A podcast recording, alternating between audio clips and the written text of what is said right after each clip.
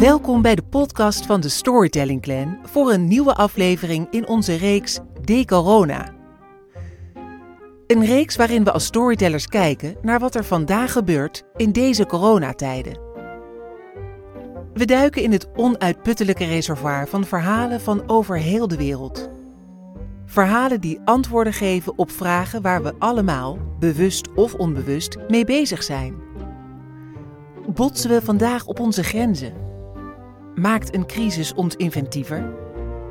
Wat doet angst met de mens? Hoe is het om je verloren te voelen? Hoe creëren we nieuwe perspectieven? Verhalen bieden antwoorden op vragen. Verhalen geven betekenis. En daarom vertelt in elke aflevering iemand van onze Storytelling Clan een verhaal. Een verhaal dat voor hem of haar met deze coronacrisis verbonden is. We wensen je veel luisterplezier. Mijn naam is Hans Dekker. Als storyteller vertel ik verhalen op een podium of in een kring om vervolgens met mensen in gesprek te gaan over wat die verhalen voor hen betekenen. Daarnaast geef ik trainingen storytelling en ben ik medeoprichter van het Storytelling Café. Toen ik als kind en later als student even niet meer wist wat ik wilde doen, omdat ik net een beetje te veel aan het genieten was van mijn vrijheid, of gewoon even vastliep, dan ging ik vaak op de bank of op mijn bed liggen en was ik net zo lang stil totdat er iets in me opkwam wat ik wilde doen. En dat ging ik dan doen. Die stilte heeft me door de jaren heen veel gebracht. Tegenwoordig doe ik dat helaas steeds minder, omdat ik allerlei verplichtingen heb en er simpelweg steeds minder tijd voor heb. En nu, in deze tijden van crisis, valt het me op dat ik meteen in de actiemodus schiet. Soms lijkt het wel of ik harder werk dan hiervoor. En ergens is dat ook heel begrijpelijk, er is alleen ook iets voor te zeggen om op gepaste momenten stil te zijn en te kijken wat er in me opkomt. Toen ik hier laatst zo over nadacht, herinnerde ik mij een verhaal dat hiermee te maken had. Het verhaal is het verhaal van de wensboom en het verhaal gaat zo. Op een middag, een hele gewone, net als alle anderen, speelde een groepje neefjes en nichtjes in de tuin van hun oudtante. Ze speelden tikkertje, verstoppertje of ze renden gewoon in rondjes. Alles was normaal en alles was goed. De zon scheen, de tuin rook heerlijk vol gekleurde bloemen en bloesems in de bomen. Soms werden de kinderen moe en verzamelden ze even op het kort gemaaide gras. En dan dronken ze koele limonade en vertelden hun tante een verhaaltje. Deze middag was het niet anders. De kinderen hadden rondgerend toen ze moe gespeeld op een hoopje bij elkaar kwamen. Liggend en half leunend op elkaar waren ze al in hun drankjes begonnen toen een van hen, de jongste en meest stille van het stel, van ver kwam aangelopen. Hij was tijdens het rennen stil gaan staan voor een grote boom die al eerder zijn aandacht had getrokken. De boom was rond en dik met grote kromme takken die zich naar alle windrichtingen uitstaken een vol bladerdek en schitterende gele bloemen. Er was iets bijzonders aan de boom, dat kon de jongen meteen wel zien. Hij bleef een paar minuten staan en bekeek hem eens goed van alle kanten. Zijn tante, die hem al even had zien naderen, keek hem aan, wachtend op een vraag waarvan ze wist dat hij ging komen. Wat is dat voor boom? vroeg de jongen zacht. De andere kinderen hoorden hem eerst niet, maar toen de tante begon te praten, werden ze langzaam stil. Vind je hem mooi? vroeg ze. De jongen knikte en bleef stil in afwachting van haar antwoord op zijn vraag. Dat is een boom met een groot geheim, zei de tante. Bij het horen van geheimen, dat weet je misschien, worden kinderen stil en ook deze spitste hun oren.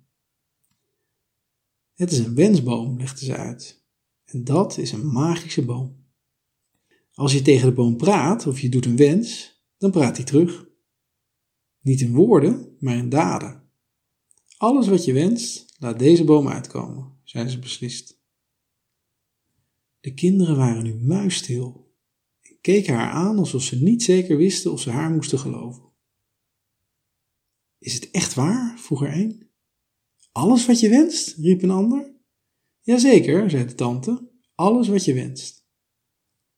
De kinderen fronsten hun wenkbrauwen. Sommigen begonnen van opwending zelfs te giechelen. Maar kijk uit wat je wenst, vervolgde de tante. Voor je het weet komt het uit. Om er kalm aan toe te voegen, ach, het is maar een gewone wensboom. Uiteindelijk is het een boom als alle anderen. De kinderen bleven stil.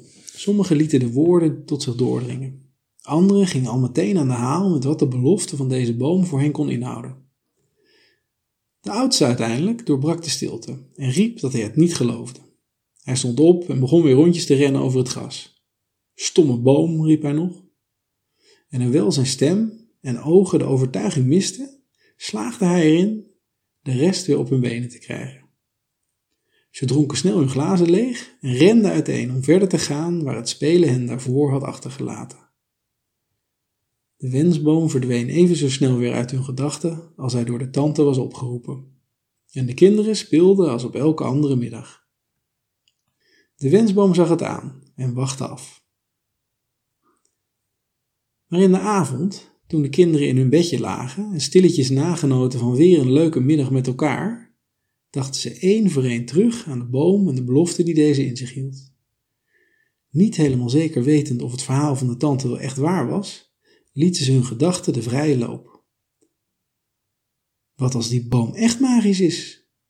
Wat zou dat betekenen, dachten ze. Konden ze echt alles wensen? En wat zou dat alles dan zijn?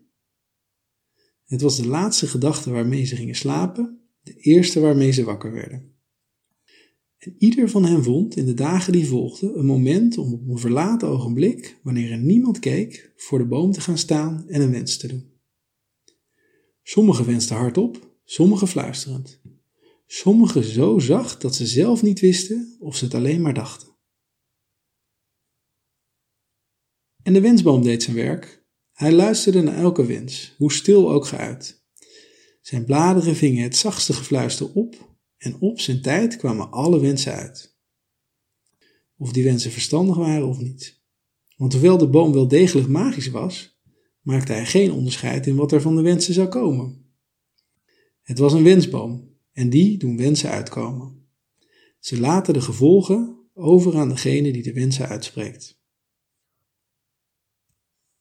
Er gingen jaren voorbij, de kinderen werden ouder en met de jaren raakten ze meer verslingerd aan de wensen die ze deden en de uitkomsten die ervan kwamen. Ze wensten en wensten nog voordat ze die zagen uitkomen alweer twee, drie nieuwe wensen. Een bal, een pop, een fiets of een vriendje. En elke keer kregen ze precies wat ze hadden gewenst. Soms werden ze ongeduldig en duurde het wat langer, en af en toe vergaten ze zelfs wat het was dat ze vroegen. Dan kwam al gouden onrust en de verwijtende gedachte. Dat heb ik weer, dacht er een. Waarom krijg ik niet wat ik wil? vroeg de ander. Ze vroegen zich af of de boom zijn magische krachten had verloren en gooiden er maar snel nog een wens tegenaan. Langzaamaan raakten ze verstrikt in hun wensen en de ideeën van hoe hun wereld zou moeten zijn. Het geheim van de boom hielden ze voor zich. Ze spraken af er met niemand over te praten, bang dat iemand anders hem voor zichzelf zou opeisen. Ondertussen bleven ze wensen, meer en meer wensen, wensen, wensen en nog meer wensen. Van de ene kwam de andere wens, van de ene uitkomst het verlangen naar de ander. Groter, meer, meer, nog groter. De wensen regen zich aaneen als een ketting waarvan de schakels logisch in elkaar klonken. Een huis, een auto, een vrouw, een andere vrouw, geld, macht, meer geld, nog meer macht. Het werd een verslaving. En als de uitkomst hen niet beviel, deden een wens om die te veranderen. De wensen werden een web waaruit niet iedereen de uitweg 1, 2, 3 kon vinden. Hun hoofden zaten vol met plannen voor de toekomst en zorgen uit het verleden. En hoe meer ze wensten, hoe meer ze vergaten stil te staan bij die ene vraag die onder al dat wensen bedolven raakte. Wat wil ik nu echt? Terwijl de kinderen ouder en ouder werden, dachten sommigen van hen met weemoed terug aan de tuin van hun tante. Ze voelden een leegte waarvan ze wisten dat geen wens die kon opvullen. Ze kwelden hun geest met vragen over wat ze hadden moeten wensen en verlangden allemaal naar die ene wens die het effect van alle anderen ongedaan kon maken. Allemaal behalve één.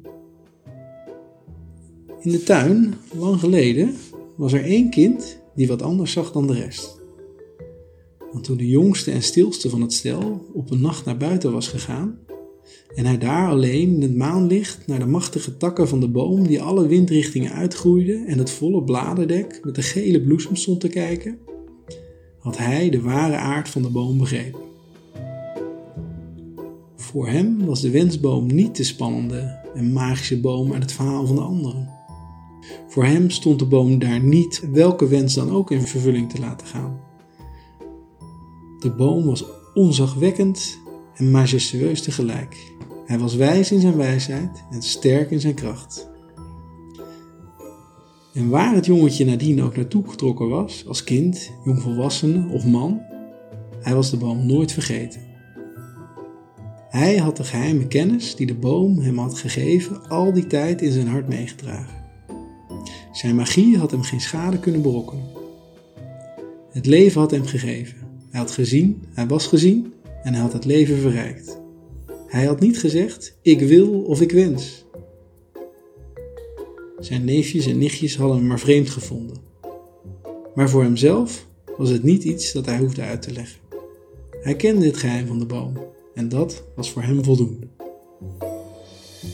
Want zelfs nu hij een oude man was, was zijn hart nog steeds het hart van het jongetje dat ademloos in het maanlicht onder een machtige boom stond en zo vol verwondering en ontzag was dat hij simpelweg was vergeten iets te wensen.